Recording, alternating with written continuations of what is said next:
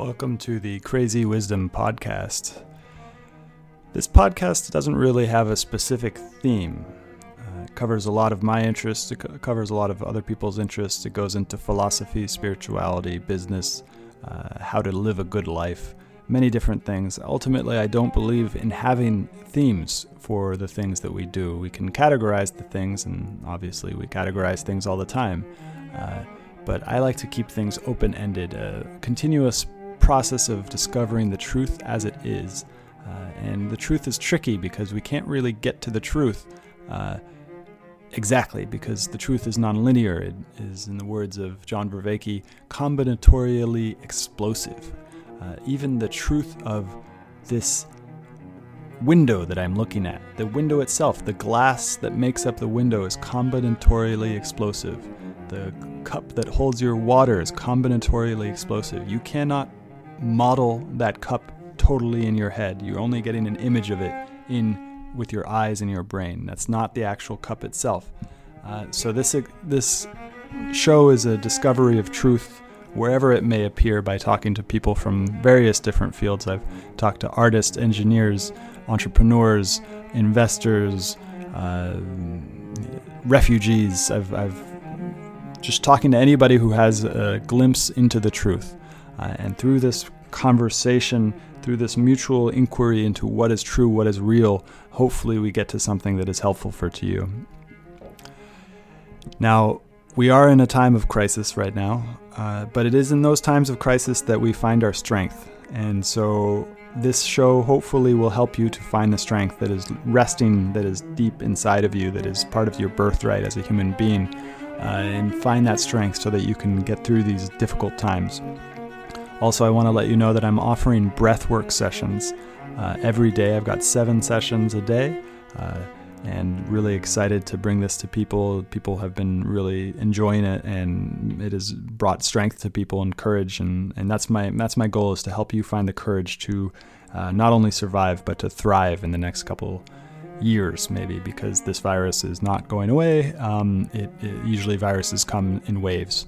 Uh, so this is the first wave. It will go away, and then it might come back. I'm not saying that I know for sure it will come back, but we are in this for the long haul. So this is a uh, marathon, not a sprint, uh, and I want to do everything I can to help you not only survive but to thrive. Uh, so. If you are interested in that, please find me on Twitter at Stuart Alsop III. My DMs are open. I'd love to hear about what you think about this show. Uh, also, it'd be very, very kind of you to both subscribe to the show on Spotify, Stitcher, uh, iTunes, many of the major pot plat- platforms. And if you're really feeling generous, go ahead and give a review on iTunes. So join me for the breath work. Just send me a message on Twitter at Stuart Alsop III with your email, and I'll add you to the email list where I'm sending out emails for the schedule. Uh, hopefully, see you there. Have a great day. Welcome to the Crazy Wisdom Podcast. I am interviewing uh, Tim and, um, and Tim Luck Mipdev on Urbit. Uh, he that's how you can find him on Urbit, and I'll let him explain probably later on the show too about uh, how you can find him on Urbit. Um, and he is helping to construct and coordinate a DAO that will be a layer one that will start as a zk rollup on the Ethereum blockchain, but as it pertains to the Urbit ecosystem. Is that accurate? Yeah, that's that's absolutely accurate. So it's like a um, program. It'll be a program running on the Urbit operating system between Urbits uh, as a zk rollup, meaning without going, like we can go into that later if necessary, um, and then it would settle to like you know the Ethereum blockchain. And if at the point where we're successful enough and accrue enough economic value and security, we would you know look at whether it makes sense for us to move to being our own L1.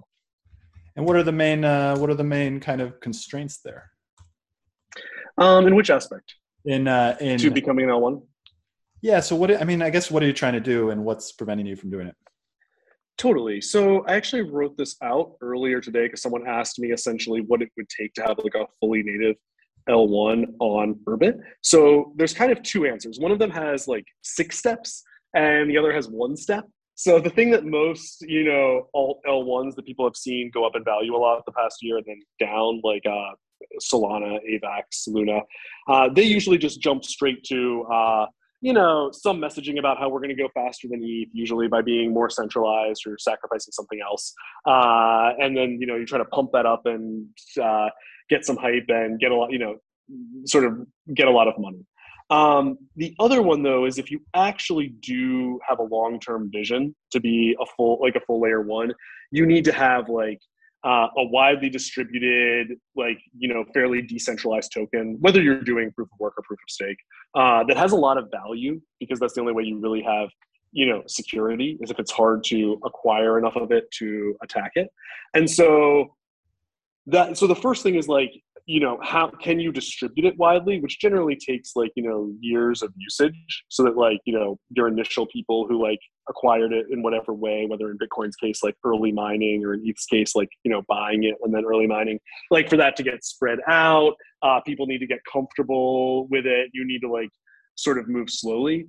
So in the interim while that's happening uh, in order to get that value we need to make interesting use cases and so I can go into that a little bit later, but the TLDR is that we're first really, really convinced that um, Urbit, the OS, is like the best environment there is for programmers to make cool programs while staying happy do, and productive doing it. Uh, and then the corollary to that is that just blockchain applications are some of the most lucrative and desired like things you can do in that kind of environment and so we want to you know create a way to do that in urbit essentially it's like you know urbit isn't complete unless it also has the ability to write uh, to sort of easily write uh, any kind of you know smart contract in that like in that environment so how do you specifically plan or ha- if have you already done this mm-hmm. um, in terms of the hype farming because uh, it does mm-hmm. seem that the hype farming is a necessity for successful um, yeah solution. But then at the same time, there are the inevitable trade-offs that come from psychological aspects of being in the money. Right. So there's a few different kinds of hype farming, and there's the kind that people are the kind that people are the most aware of is the you know sell something and pump something to a really big market cap without having very much um, hype farming, which is like you know Cardano getting pitched by YouTube influencers or the stuff that was done with other alt L1s. But there is another hype farming path, which is it does involve significant promotion and like sort of marketing strategy, um, especially on places like Twitter.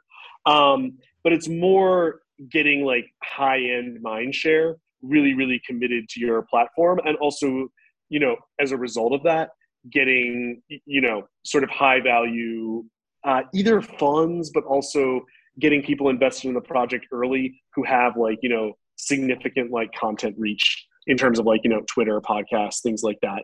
And a good example of a project doing that really well right now, I would say one of the better ones is Starkware, where they do sort of generic, they do like ZK technology mostly for Ethereum, but it can be for any chain but that's not like the most interesting thing about them is that they um, get a ton of developers developing their layer two smart contracts. Um, if you go to like, you know, there was a recent ETH event in, uh, in Amsterdam a few weeks ago, and to get in, it was basically impossible to get a spot in there uh, hackathon. Like they have really, really strong developer mindshare, and people are doing lots of experiments. Uh, and as a result of that, they don't even have a token, but their their company I think recently raised at like a six billion dollar valuation, which is actually like you know pretty good for just like sort of an equity company.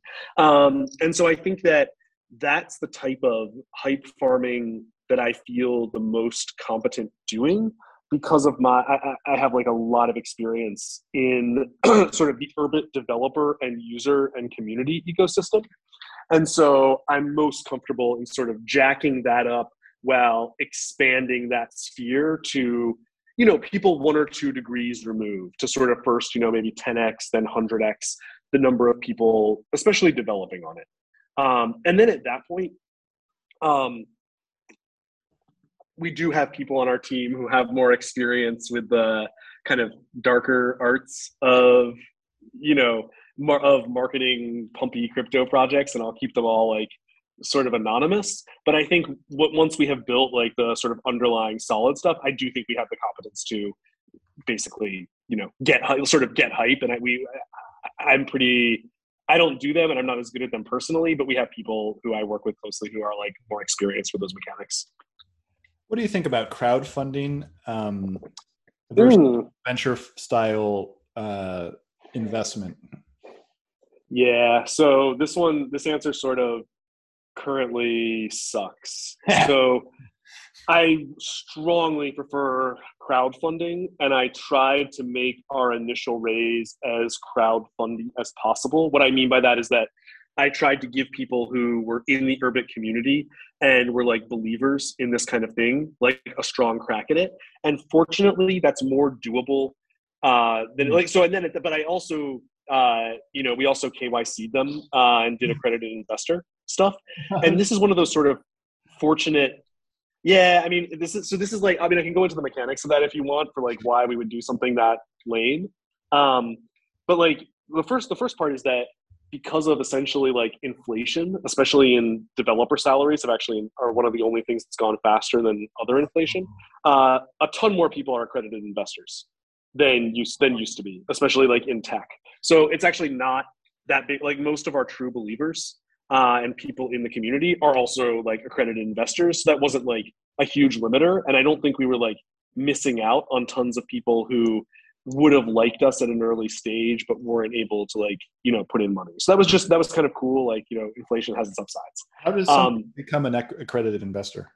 It, it's a pretty just straightforward uh, thing where you know I, I, need to remember the exact number but roughly it's that you show you make you know either more than $200000 a year. Uh, it can be with a couple um, or that you have more than i think it's like a million dollars in assets. I'm, I'm sort of glossing over it but that's the rough idea and that's getting pretty close to where like a lot of dev salaries in the us are now. And so a lot more people qualified for that now than would have even like pre-pandemic. And what is that what is the impact overall and this goes into an earlier question that i've written down here as well um, uh, what is the impact of developers making incredible amounts of monies and, and are now sort of post economic how do you? Yeah, man, I, I love this topic um, because they're like not only post economic, they're also like sort of post location, so they can optimize for a ton of different things in like location. But um, let's like sort of come back to that later when we talk about Urbit's big value. I can talk about it now, but we should come back to it later when we talk about Urbit's big value propositions, mm-hmm. just because one of Urbit's biggest value propositions is that it's basically like a black hole sucking in talented developers. And they also happen to have a lot of money.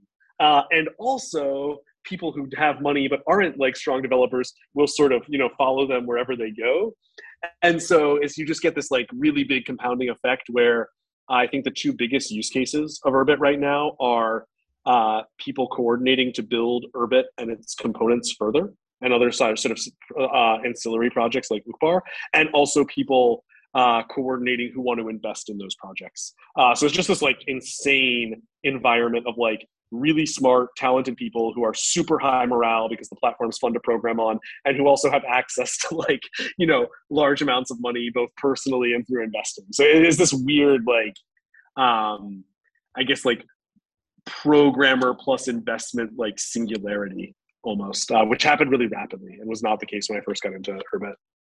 Yeah, that's the crazy thing. It's just like, and it seems uh, I don't want to get into a victim mentality, but uh, uh, uh, uh I tried programming so hard uh, and mm-hmm. not take, and and I I have started to reconsider it given what I've heard about Urbit in terms of the um, logic and the redesign of Linux and so, mm-hmm. you know, I know enough about. I think. I think. Um.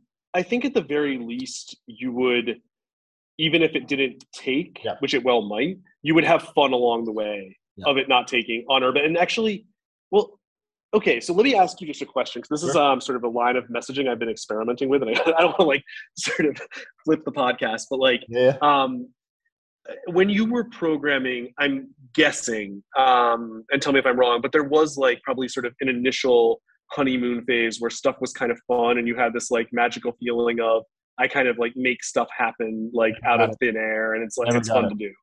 Never got it. Never got it. It was so crazy. I w- and I did it for two years. Uh, and but mm-hmm. I didn't. The issue that I had was I I was just doing it uh, out of pure not signal. It's not. It wasn't signaling. It was. Um, mm-hmm it was because I was supposed to do it. That's that's what it was. Um, and, ah, uh, okay. yeah, yeah, and uh, and uh, and it was it's a fascinating story, but I won't, I won't get into it. But I did I did memorize. Yeah. I learned a, I learned an awesome tool from it, and I so I learned how the foundations of web development just from a conceptual mm-hmm. standpoint. Uh, but then yep. I uh, learned a new memorization technique um, uh, that is helping me with uh, uh, what do you call them? natural languages. Um, and uh, so that was oh, very, okay. Yeah. What What do you think? Yeah, yeah, interesting. I've so I've actually wasted too much time, like natural language, like human languages. Yes. Yeah, yeah, yeah I've wasted a lot of time in my life on those, which they I also enjoy that. Like I, you know, people like went through a phase of like studying lots of them, and then now I only use like pretty much, um, I guess like English and Russian in life. Um, I oh, you, passively understand. No, I'm not, but um, I've lived there for a while, and um, my family, like, um, or I guess my the others, like my wife and like that part of our family are from are from there, um, and so um, I guess also I you know understand Ukrainian passively, um, and then I guess now having to relearn Italian just from uh, just from now being here out of like necessity after like uh, the war, okay. but um. Yeah I kind of want to almost go into into that. yeah, well, let's let's finish let's finish the the thread yeah, of like programming first, which is which is just that if we're talking about the value prop of Urbit, and we can come back to it later, and also why people are so excited for people for whom programming does take and have that like whatever inclination or it's just like the, the thing they like. Uh, there'll almost always be this like initial massive like honeymoon period where they kind of are just making stuff and there's no other like friction. And usually it'll be like you know back when i was younger i'm probably dating myself now but um, you know it would be like people would program games on their ti-83 in like high oh. school. And like or like or you know i would get into like either writing early web apps or like you know writing c programs. Um, and you know what have you or else people will go to college and start it there. And then um, that'll like get there. But there's always this this phase of oh, this is really fun. I can do stuff in this enclosed environment. And then as soon as you have to get into like production programming, there's just all this extra drudgery that comes from having to like break context and having the pieces be kind of heterogeneous, not fit together. And there's a lot there's a lot of gluing and it makes programming less fun than it is in that like sort of initial phase. And kind of the big goal or insight of Urbit is that there is a thing, a type of software that can sort of unify everything and get it back into one system again. And that type of software is called an operating system. They're not easy to make, um, but that's you know what it's doing. And the reason people have so much fun programming on Urbit is that it's the only thing out there really trying to be a networked operating system uh, at, at like a very at a very low level, and that's a harder thing to make than a a natively a non-networked operating system like Unix. But yeah, that's the sort of TLDR for what's on Urbit and why the developer morale and experience is so the morale is so sky high uh, is because like we we we we're on the road to creating that and we have enough of it that we can keep people sucked in.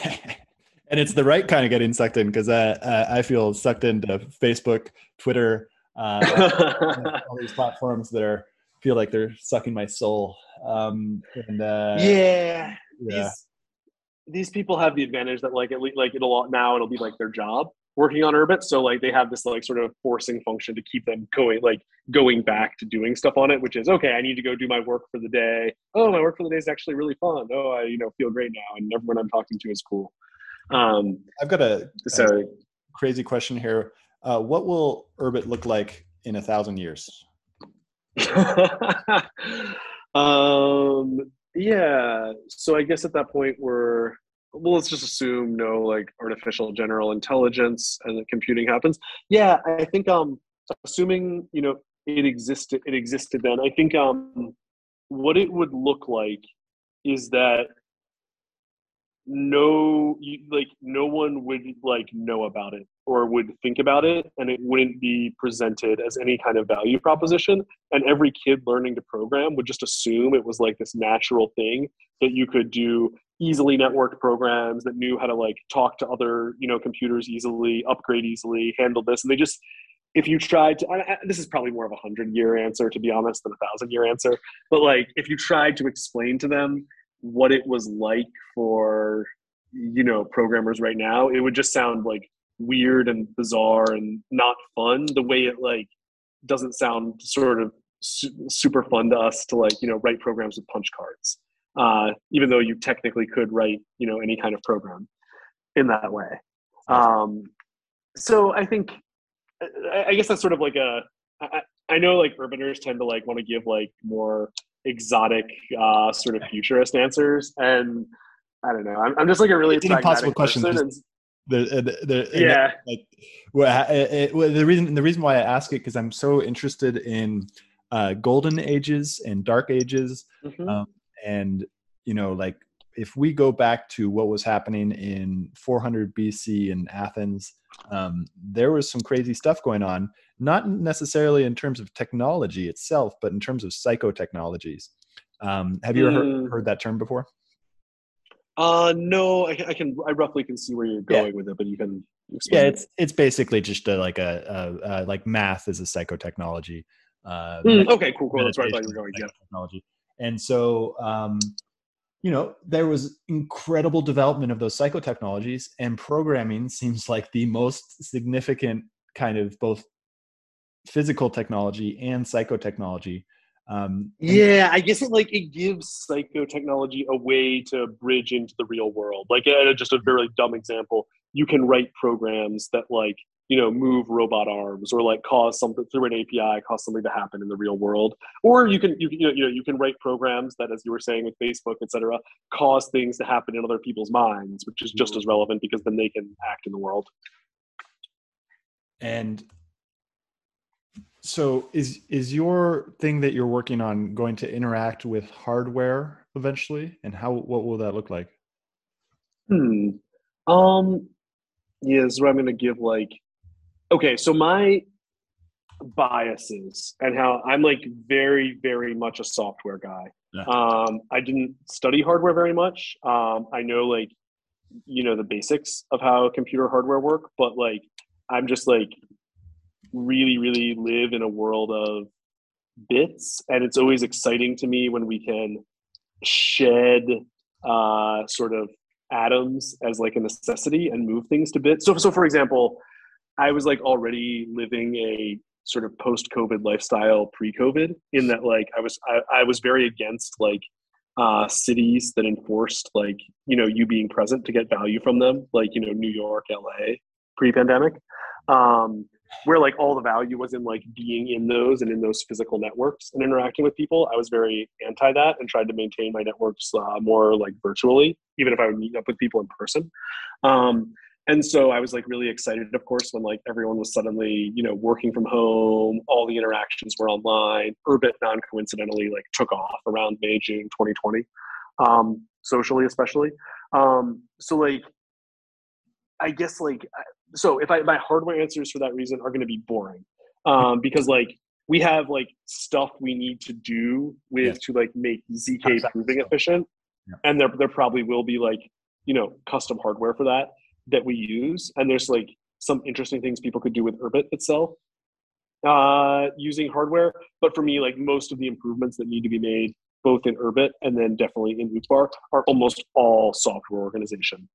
And then like just completely manipulating that world of bits yes and um, the zk rollup in specific uh, for myself and for my listeners who don't know what that is, mm-hmm.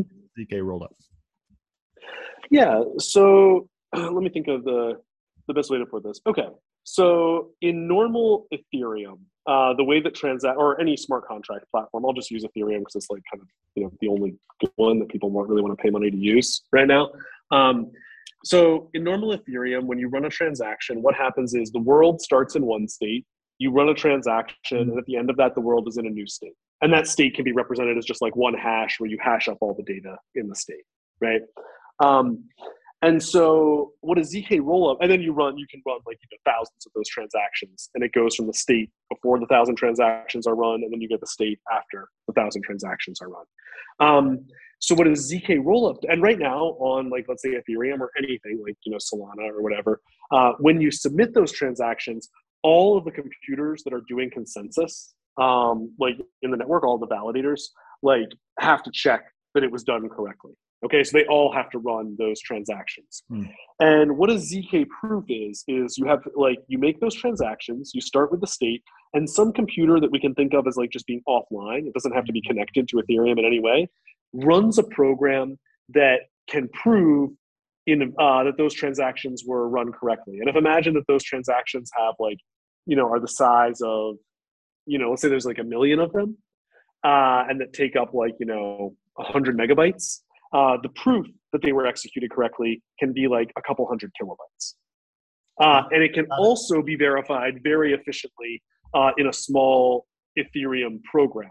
So what you can do is imagine leaving aside, you know, for sort of sophisticated users, things like data availability for a second. The idea of zk proving is, let's say in some contract on Ethereum, I have stored this my starting state hash, like of what the world was, and I I run uh, you know a million transactions against that and come back to the Ethereum main chain and say I can prove that I validly got from that starting state to this ending state. Uh, and you can be convinced of that because you can just uh, run a small program on Ethereum. You, the contract, can run a small program on Ethereum and be satisfied of that. And so at that point, leaving aside other considerations, uh, everyone observing that can be like, oh, this new state must be valid. I don't know what went into it or what those transactions were, but I do know they must have been executed according to this like to this rule set, and they can verify that. Like, uh, so you essentially get to let your work, you know, your transactions be applied and your world change. Uh, without having to have every computer on Ethereum run that and check it for themselves. And what are the main use cases uh, that people mm-hmm. are creating ZK rollups on Ethereum right now?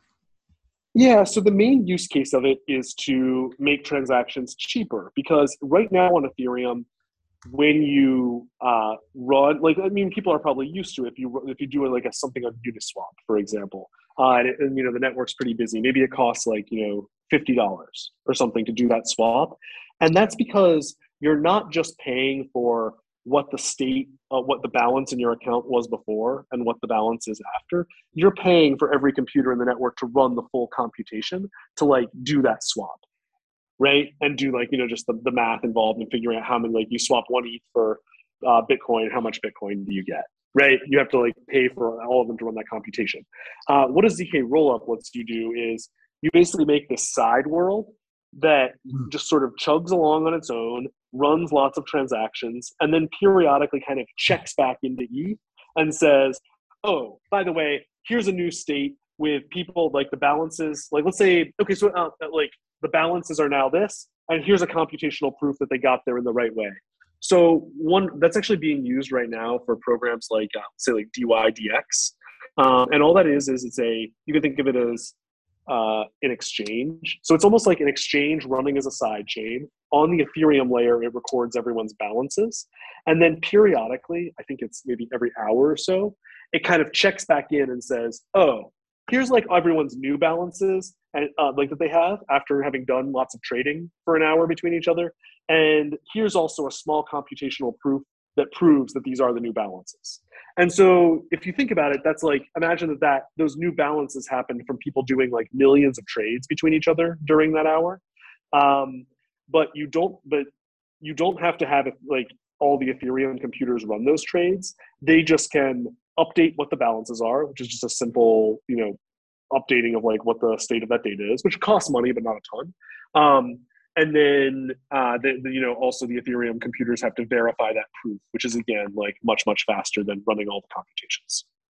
So that's the that's the use of it. Basically you can think of it as like letting you have these kind of side chains that just kind of do their thing but sort of have to lock in keep locking back into real ethereum and saying you know okay these are our you know new balances. And the practical use of that then is after i've done my trading and my balance is updated on the main chain, uh, I can always go and just withdraw it at any time and go use the you know tokens that I've made. Got it. Fascinating. Uh, there's a couple questions I have. Some of are more tangential, some are not. Um, sure. The first thing that comes to mind is that zk rollups seem like strange distributed bots straight out of a Gibson cyberpunk novel. Um, there's this one there's this one scene I have in mind of, of just like him telling the computer to go go do something in the physical world and and just like the madness that ensues from the fact that yeah sentient uh, thing that's going out there uh, doing things that are, that are we don't under understand fully what's what they're doing. Um, I don't get the sense from the zk rollups, but it seems like that's the beginning of that um, that thing. Yeah. yeah, you can easily. I mean, once I think what I would say more generally is that once everyone's lives are more and more in the you know quote unquote metaverse essentially when like the important components of their life are fully digitally manipulatable like once my assets aren't real estate they're like tokens um once like my art isn't primarily represented as what's on my wall it's like nfts uh, and so and like once my social networks aren't embodied in me living in new york city but they're embodied in me like you know maintaining connections on a network you know much the same as someone's like follower count right now on twitter but you could go even further.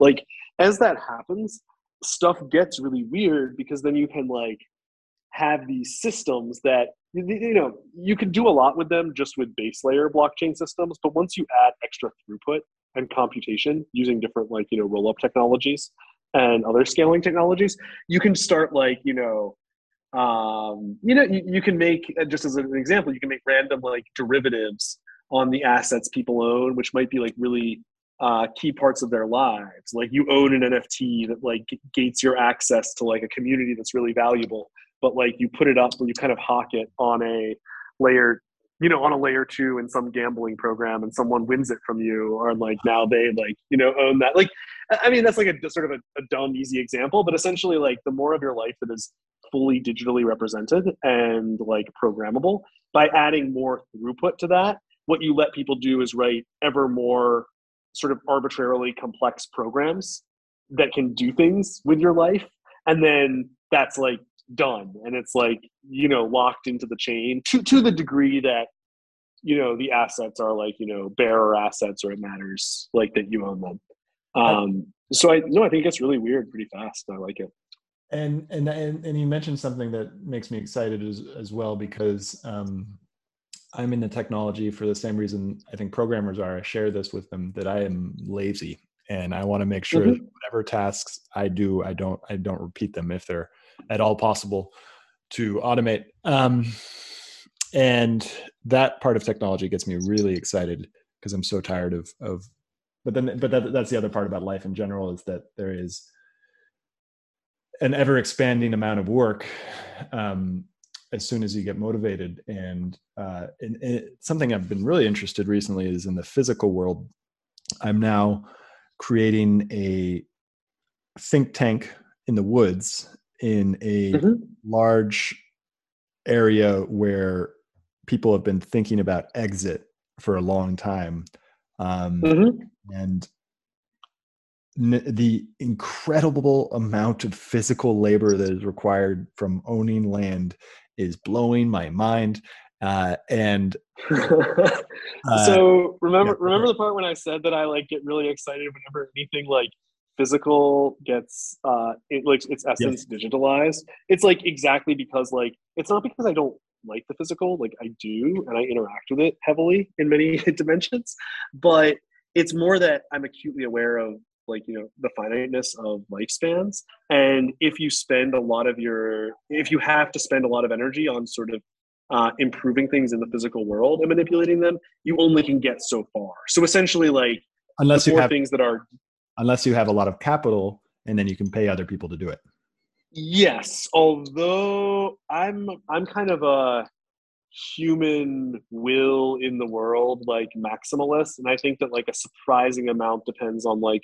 maintaining the sort of focus and coordination and will to like realize those projects and i think the limiting factor is very rarely just like capital or like telling people mm. to do it and I, I, think that's why people um i have my own mixed feelings on him but i think that's why people admire someone like Elon Musk so much, specifically because it's like rare to find people who can like make that coordination happen, sort of bridge the sort of digital and idea and human will into the physical at large scale across a lot. Like he's interesting because he's an exception. Well, and that's it's hard. And it is it is hard, uh, and I am now getting a crash course in it. Um, and uh, it is it is very interesting uh, because I'm uh, so I've come from the Bay Area.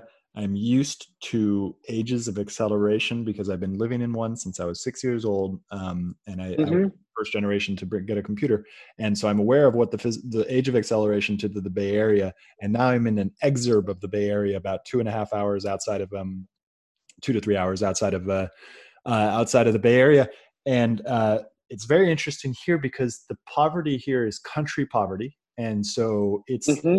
Uh, mostly white, uh, and it is uh, gnarly. It's really gnarly here. But now there's a whole bunch of Bay Area money moving in, um, and uh, so people are willing to work here, particularly now that the stimulus has been cut off.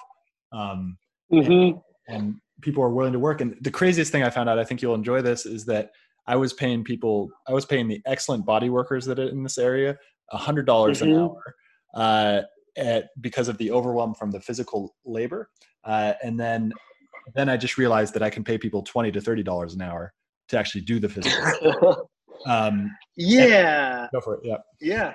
No, no, I've seen, um, I, have seen this dynamic a lot, especially, or I guess like there's, there's a similar dynamic in the um, suburbs of Kiev, like pre-war, oh, and um, like like where a lot there was like you would have a lot of towns that were like a mix of like lots of people like moving out, and then all the people like you know who had like had their apartment or house there since like you know Soviet Union.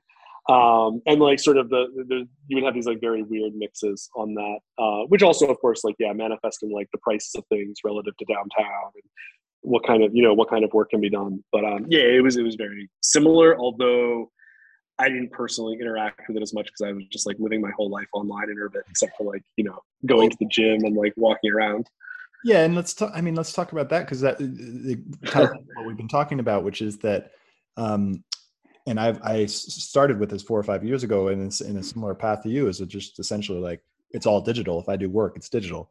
Um, uh, and then I got whammed by uh, unexpected changes. But um, but that that mm-hmm. living your life fully hooked up to the digital. What are the upsides and what are the downsides? Uh, okay. So the big big upside is that in multiple ways you well so there's sorry there's two upsides. One is sort of a positive like sort of offensive and ambitious and the other is defensive. So the offensive and ambitious one is as we were saying you can iterate much faster. Your projects can like go sort of gain scope like a lot more quickly because they're not limited by manipulating atoms. Um, and you can like of course like coordinate more and more talented uh, more people and more talented people if you're if you have sort of the right you know mix there an ability to like work within uh, digital networks. And then the defensive aspect is that um, your wealth and your life um, even though they exist they, like they're less tied to certain physical locations. Uh, you're much more able to leave a place if necessary um, or like you know sort of lev- like leverage it as necessary and then go somewhere. And you're less like I, I notice people who like invest physically in a certain place.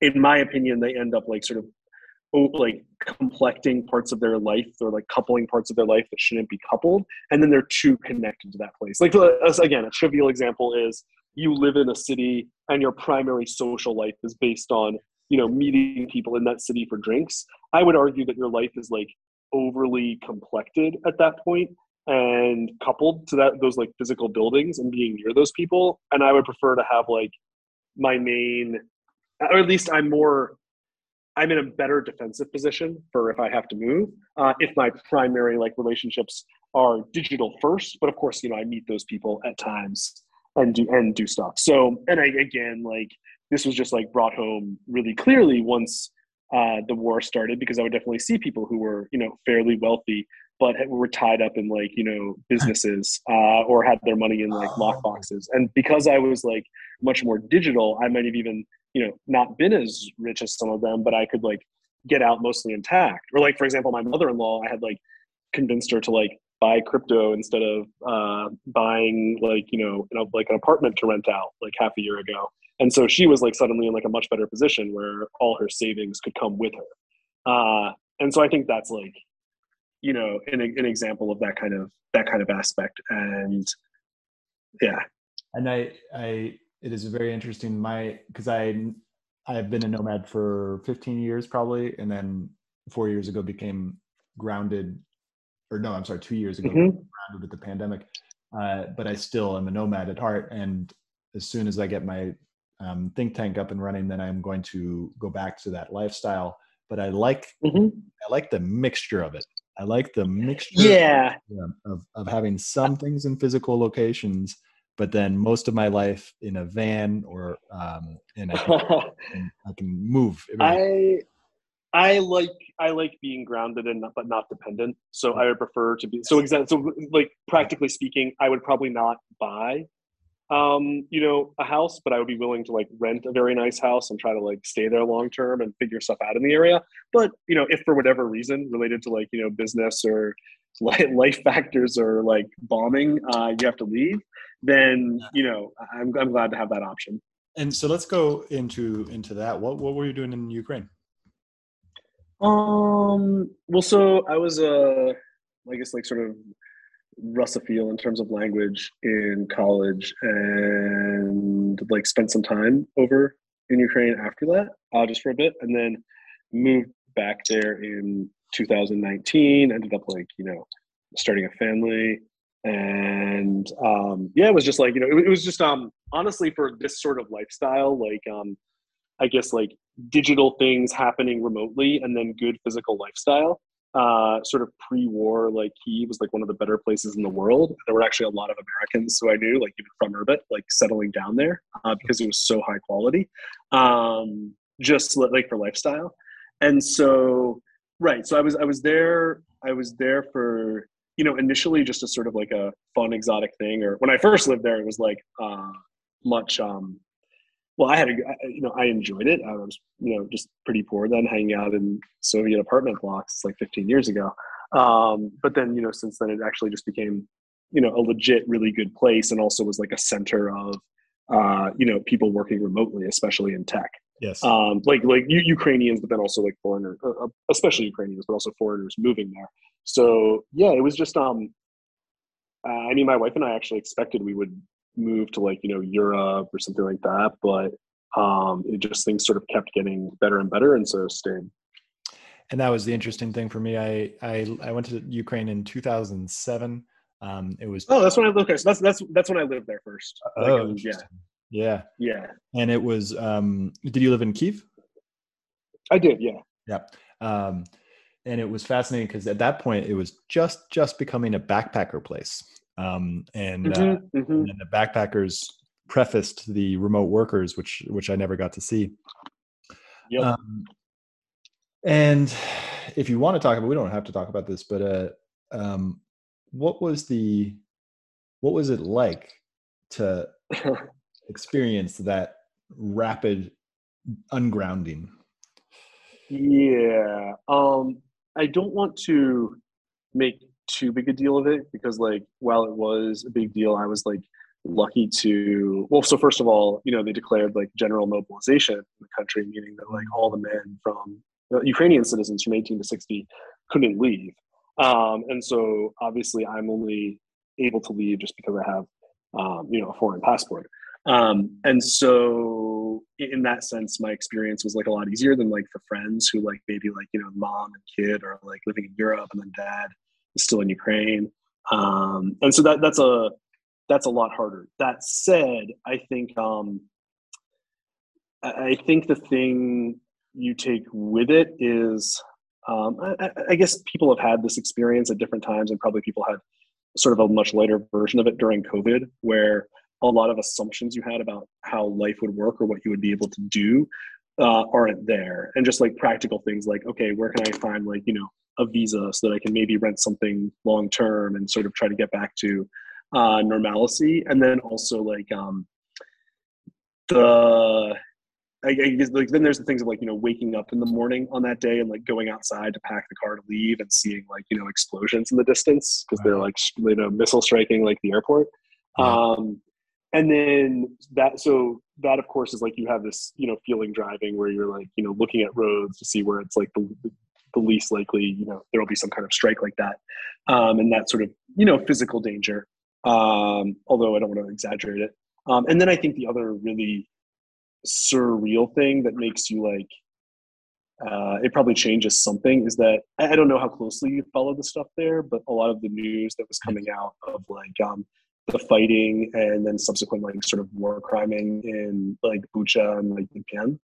Um, like that's where I lived. Like that was like next door to us. Like our we had gone back a couple days before to get our dog out of dog school in Bucha, which is like you know where you see all the stories of like you know people getting executed and tortured. Um, and stuff like that. And like that's just like the next door town where like you know our gym was, and like yeah, we would have our dog in school there, go out go out to dinner, um, and that's that's pretty. That's you know, it's just it's just a really messed up feeling where you sort of have a hard time feeling that you know stuff will be stable. And I think that like I guess I I had these instincts about defensively getting stuff digital prior to oh, this, yeah. but this like this like strongly reinforced it to like the point of you know like the people who like grew up in the Great Depression and like never wanted to invest in the stock market again or something like that. Like probably I'll have that bias forever against like certain aspects of like physical investment.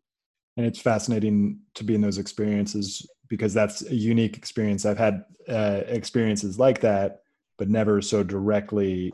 And it's because we all have different nervous systems and those different different nervous systems imprint in very very unique ways.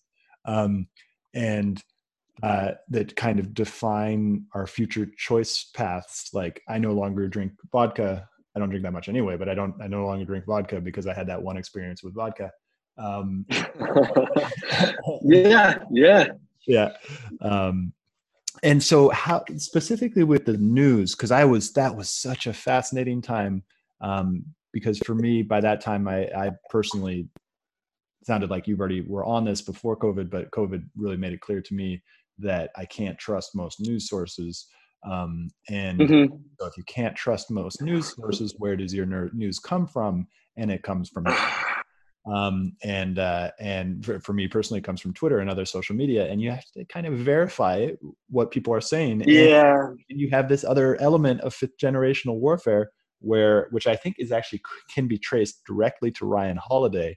Um, and his uh, his initial experiments with uh, manipulating stories and journalists, um, you have mm. this hmm. element of these of people specifically adding uh, uh polarizing doesn't matter what side, but they polarize right, right. Session, um, and you can't tell. You can't tell what's going on. Uh, and I could not tell what was going on in Ukraine. But and then how was that? Yeah, yeah. And, and, especially especially in America, there was like um, a strong sort of narrative divergence. I think Europe uh, unified more quickly because it was oh. more viscer- viscerally real to people. And I, I guess I would say like specifically in the American, uh, from what I've observed, like the American right wing was just like extremely skeptical yes. of anything coming out of Ukraine, whereas in Europe, uh, across sort of political persuasions, people uh, sort of ra- like people people felt it as like, oh crap, you know, we could have tanks rolling through us. Like this is it's not it's not like a larpy. Uh, where do I get my news from thing? It's very much like okay, we have to stop the tanks from you know rolling through us.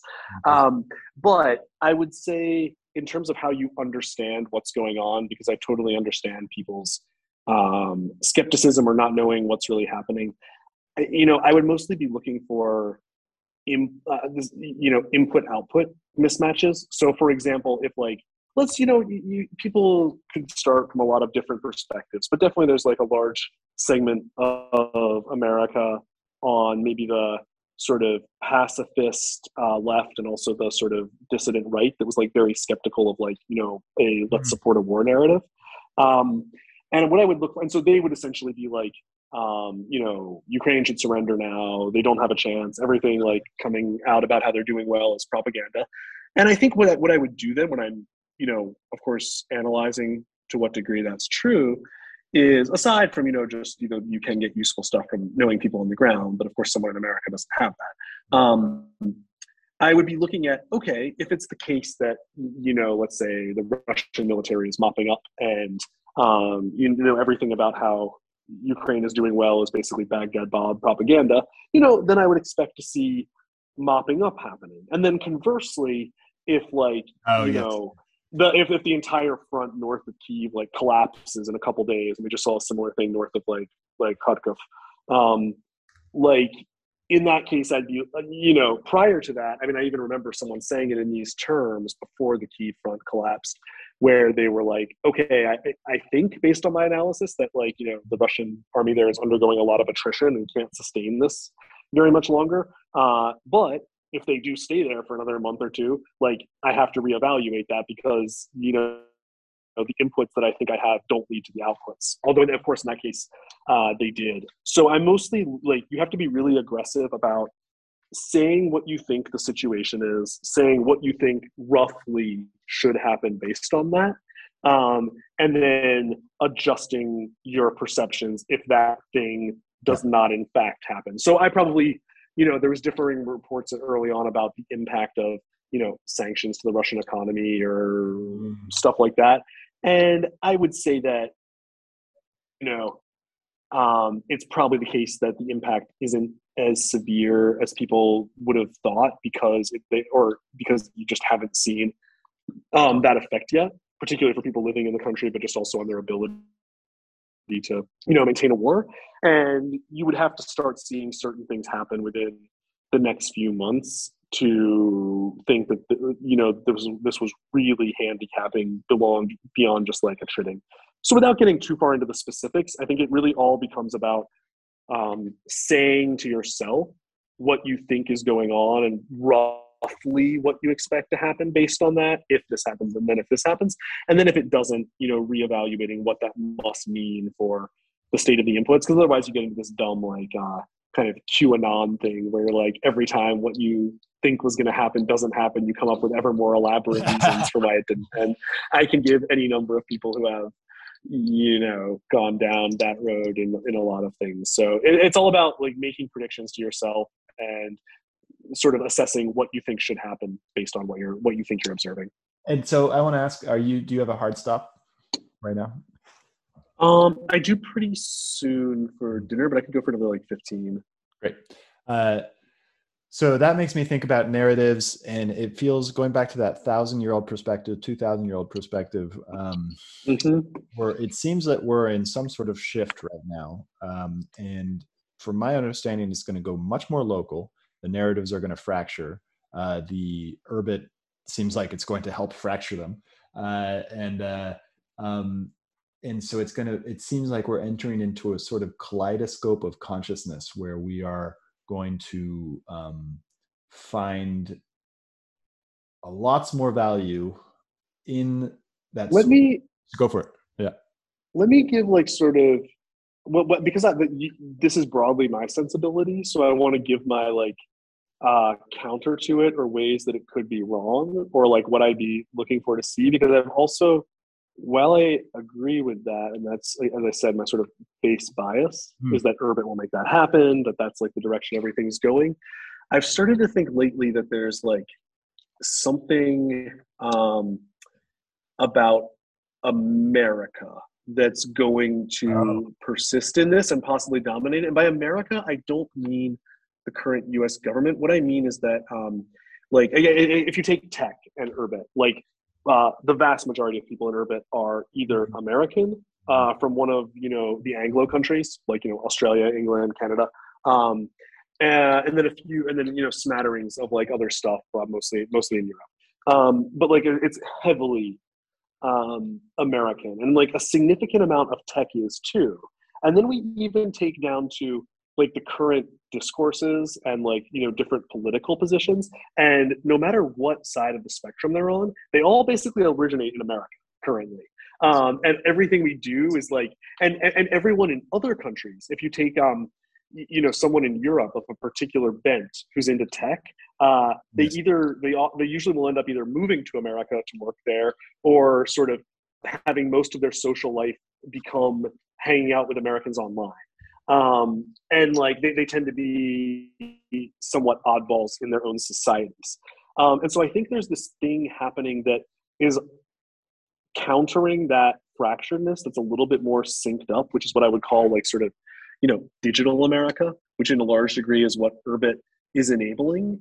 And I think basically what Urbit is enabling is for this like non physically located but like very american thing across all of its ideological components to like sort of permeate everywhere and colonize the world. I don't see that as a bad thing. I think that's like a huge positive, but that, that's my sort of bias right now. Well, and I and I um, that ties in with what I've thought before, which is that I, I, I agree that America is, is, essentially the pinnacle of Western civilization, um, and that we have, uh, and not only in hard power, but more importantly in soft power, um, and that soft power has spread through the internet and through the values and it's gone everywhere.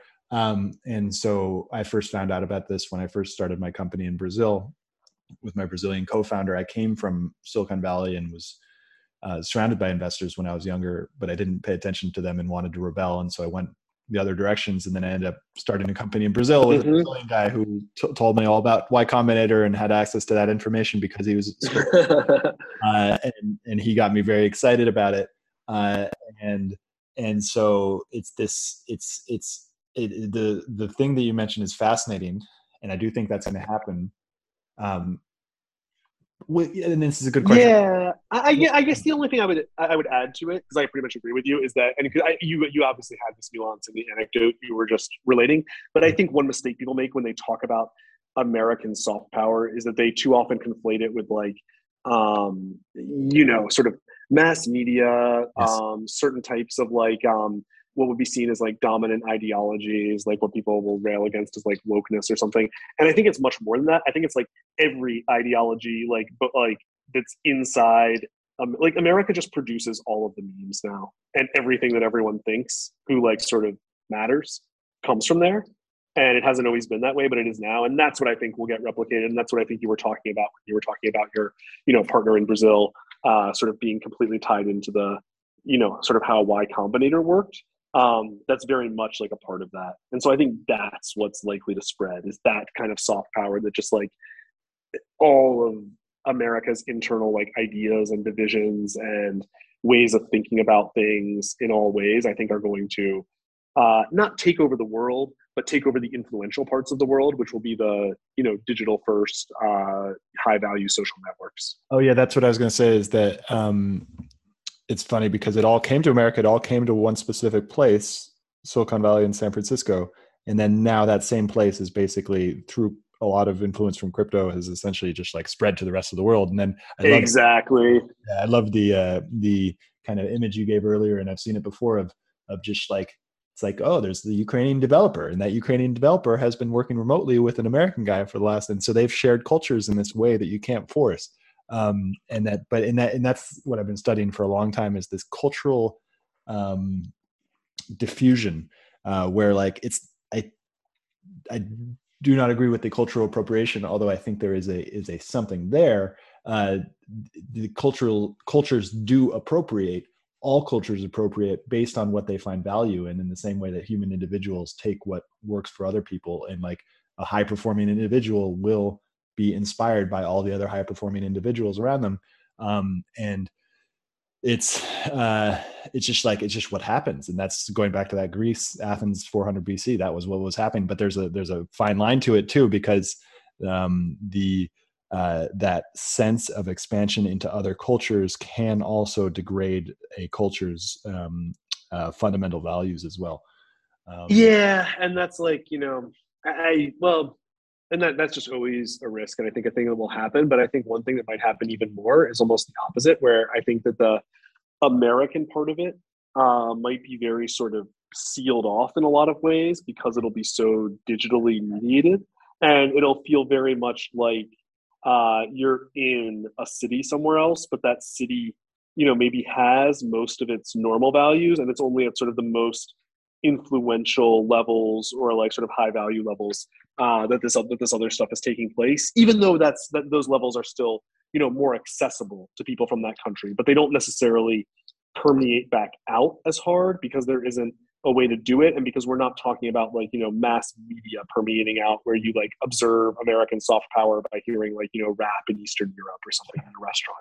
Right? We're talking more about like in fact it might even be the opposite where the where the stuff kind of feels like its own thing but like all of the people in it who sort of um are ambitious uh participate in this in this other world. And that wouldn't be the first time in history that you had this like sort of you know globe spanning like sort of powerful large elite class but it would be um oh. it, it, would be it would be sort of it would be like digitally mediated which always puts things on steroids because you get rid of all the restrictions and it hits its purest form okay so for these last uh, couple minutes um what mm-hmm. what is the is there anything that my listeners can do or uh, understand about what you're working on? Are you looking for, to fill particular roles? Um, what are the main obstacles you're facing? Yeah, Okay, so real quick, um, so they can on our on our site at uqbar.network, like uqbar.network, um, they can find our Telegram, Discord, and Urbit. So if they're you know moderately sophisticated enough to get onto Urbit, we have like a specific Uqbar group there, which has a fair amount going on, and also we have like a heavily engaged, you know, uh, really good some really good moderators in our Telegram and Discord if they want sort of a lower uh, friction onboarding and to figure out you know what we're uh, what we're about. I think and then in the near future we're going to be rolling out more um, you know sort of community type roles for people to help like you know promote us find ways to talk about us. Like in the future you would probably receive like you know some sort of Uqbar leader like you know non-transferable like leaderboard points uh, that could be like you know relevant in certain contexts later when the platform launches um, for doing like you know this podcast or for like a person who uh, got me on here. And then we'll also have for people who are interested in uh, doing development on Urbit and Uqbar there's good intake pipelines for Urbit itself uh, for learning you know how to program on it but also probably by you know midsummer we're going to have those out so, um, on our end for like you know making smart contracts on us and like integrating those into apps. And so people who again getting into our telegram discord or like onto Urbit with us can start um, doing that. The broader pitch for why you would want to do this is that um, you know we're if we're talking about this kind of like digital America, I think it's extremely likely that for a variety of reasons that we don't have enough time to go into here, that Urbit will be the software that it runs on. And already a lot of the real estate is being staked out, reputations are being made, stuff like that. Mm-hmm. And so I think it's like a really good time to at least start circling the community and, mo- and monitoring it. Awesome. Thank you so much for coming on the show. Yeah, that was really that was really good. Um, thanks for it. I'll check your Twitter and ask you ask you to like give me uh, when it's up, and I'll start circulating it through the Urbit community and see if they can get anything useful out of our meandering observations. Tangents. Thank you. All right. Thanks a lot, Stuart. Hope you enjoyed this episode. I'll be publishing episodes every Monday, Wednesday, and Friday in the morning. If you did enjoy this episode, please find us on iTunes, Spotify, Stitcher, many of the major podcasting platforms, and go ahead and give us a review. And also subscribe. And as always, I'm on Twitter at Stuart Alsop III. Come join the conversation as we aim towards the truth. And the funny thing about truth is that you can't really put it into words because every time you put the truth into words, create a linear narrative out of something that is nonlinear. The truth is nonlinear. It's not. It's it's. If you really recognize the truth right now, your mind wouldn't know what to do. It'd be overwhelmed by beauty, and pain, or it's it's something that is beyond our linguistic capability to represent. But that doesn't mean that the language isn't helpful. Language can point us in the direct, right direction, but it's it's not it's not the truth itself. And so, come join this collective inquiry into the truth. Find me on Twitter at Stuart Alsop III. Uh, subscribe to the podcast. Share the podcast with your friends. Uh, most people don't have the ability to let go of this linguistic understanding of the way that the world works and just aim for the truth, regardless of what the language tells us. Uh, and so I think what I'm doing with this this show is is necessary for us because as we enter this stage of uncertainty, uh, and we are most definitely entering an age of uncertainty, and as we do, it's really really important that we stop paying attention to what the mind is telling us all the time doesn't mean to say that the mind doesn't have its place. The mind obviously has its place, but it's just one of the senses. It's just one of the tools that we can use. We can use the mind, we can use the feelings, we can use our actual senses. Uh, we can check our intuition with other people because sometimes the intuition tells us the wrong thing as well. Sometimes the intuition is wrong. So it, we can't we can't rely on any one tool to get us there. So come join the show. Find us on iTunes. Find us on Twitter at Stuart Alsop III, uh, and come join the, this inquiry for truth.